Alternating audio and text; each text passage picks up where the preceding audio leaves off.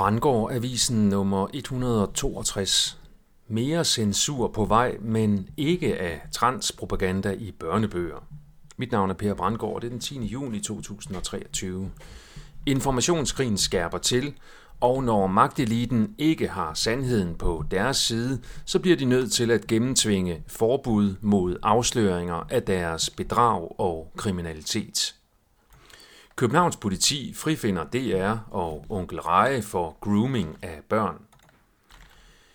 En vågen borger har samtidig bemærket, at børnebogen It Feels Good to Be Yourself, a book about gender identity af Teresa Thorn, nu er udkommet på dansk, oversat af Ivy Oak Beck Charlton på forlaget Klippe.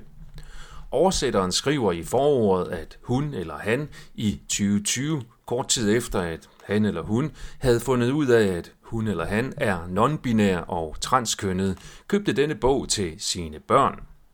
Oversætteren var tilsyneladende oprindeligt kvinde, da hun eller han blev tiltalt som mor af sit ældste barn, der dengang var fire år.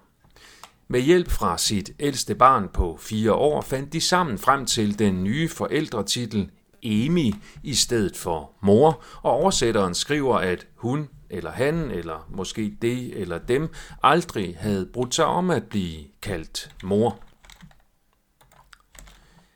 Det hjælp på den sociale transition kan man læse i foråret henvendt til woke forældre. Selve bogen handler om Rose, der er en transkønnet pige. Og jeg citerer. Det betyder, at da hun blev født, troede alle, at hun var en dreng, indtil hun blev lidt ældre og var gammel nok til at fortælle, at hun faktisk er en pige. Pige er Rosas kønsidentitet. Citat slut.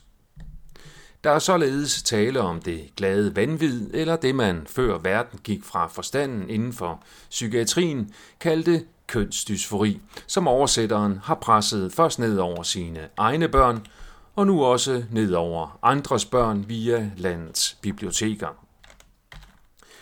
I dagens nyheder kan vi også læse, at Zuckerberg er ude og indrømme, at Facebook har censureret ting om corona, som siden viste sig at være sande. Vi kan læse, at nye EU-regler giver eurokrater magten over ytringsfriheden på de sociale medier.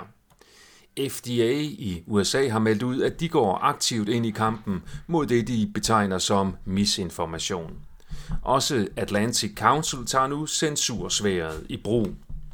WHO-bossen har også meldt sig i kampen mod misinformation.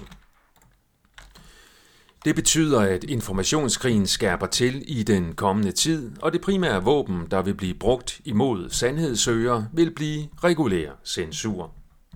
Det er derfor endnu mere vigtigt, at vi kommer ud af de sociale medier som Facebook og Twitter, der skal overholde de aktuelle og kommende regler om censur og over på alternative danske platforme, der er beskyttet af grundloven.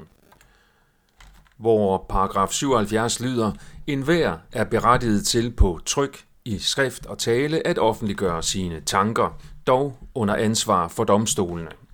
Censur og andre forebyggende forholdsregler kan ingen sinde på ny indføres. Citat slut.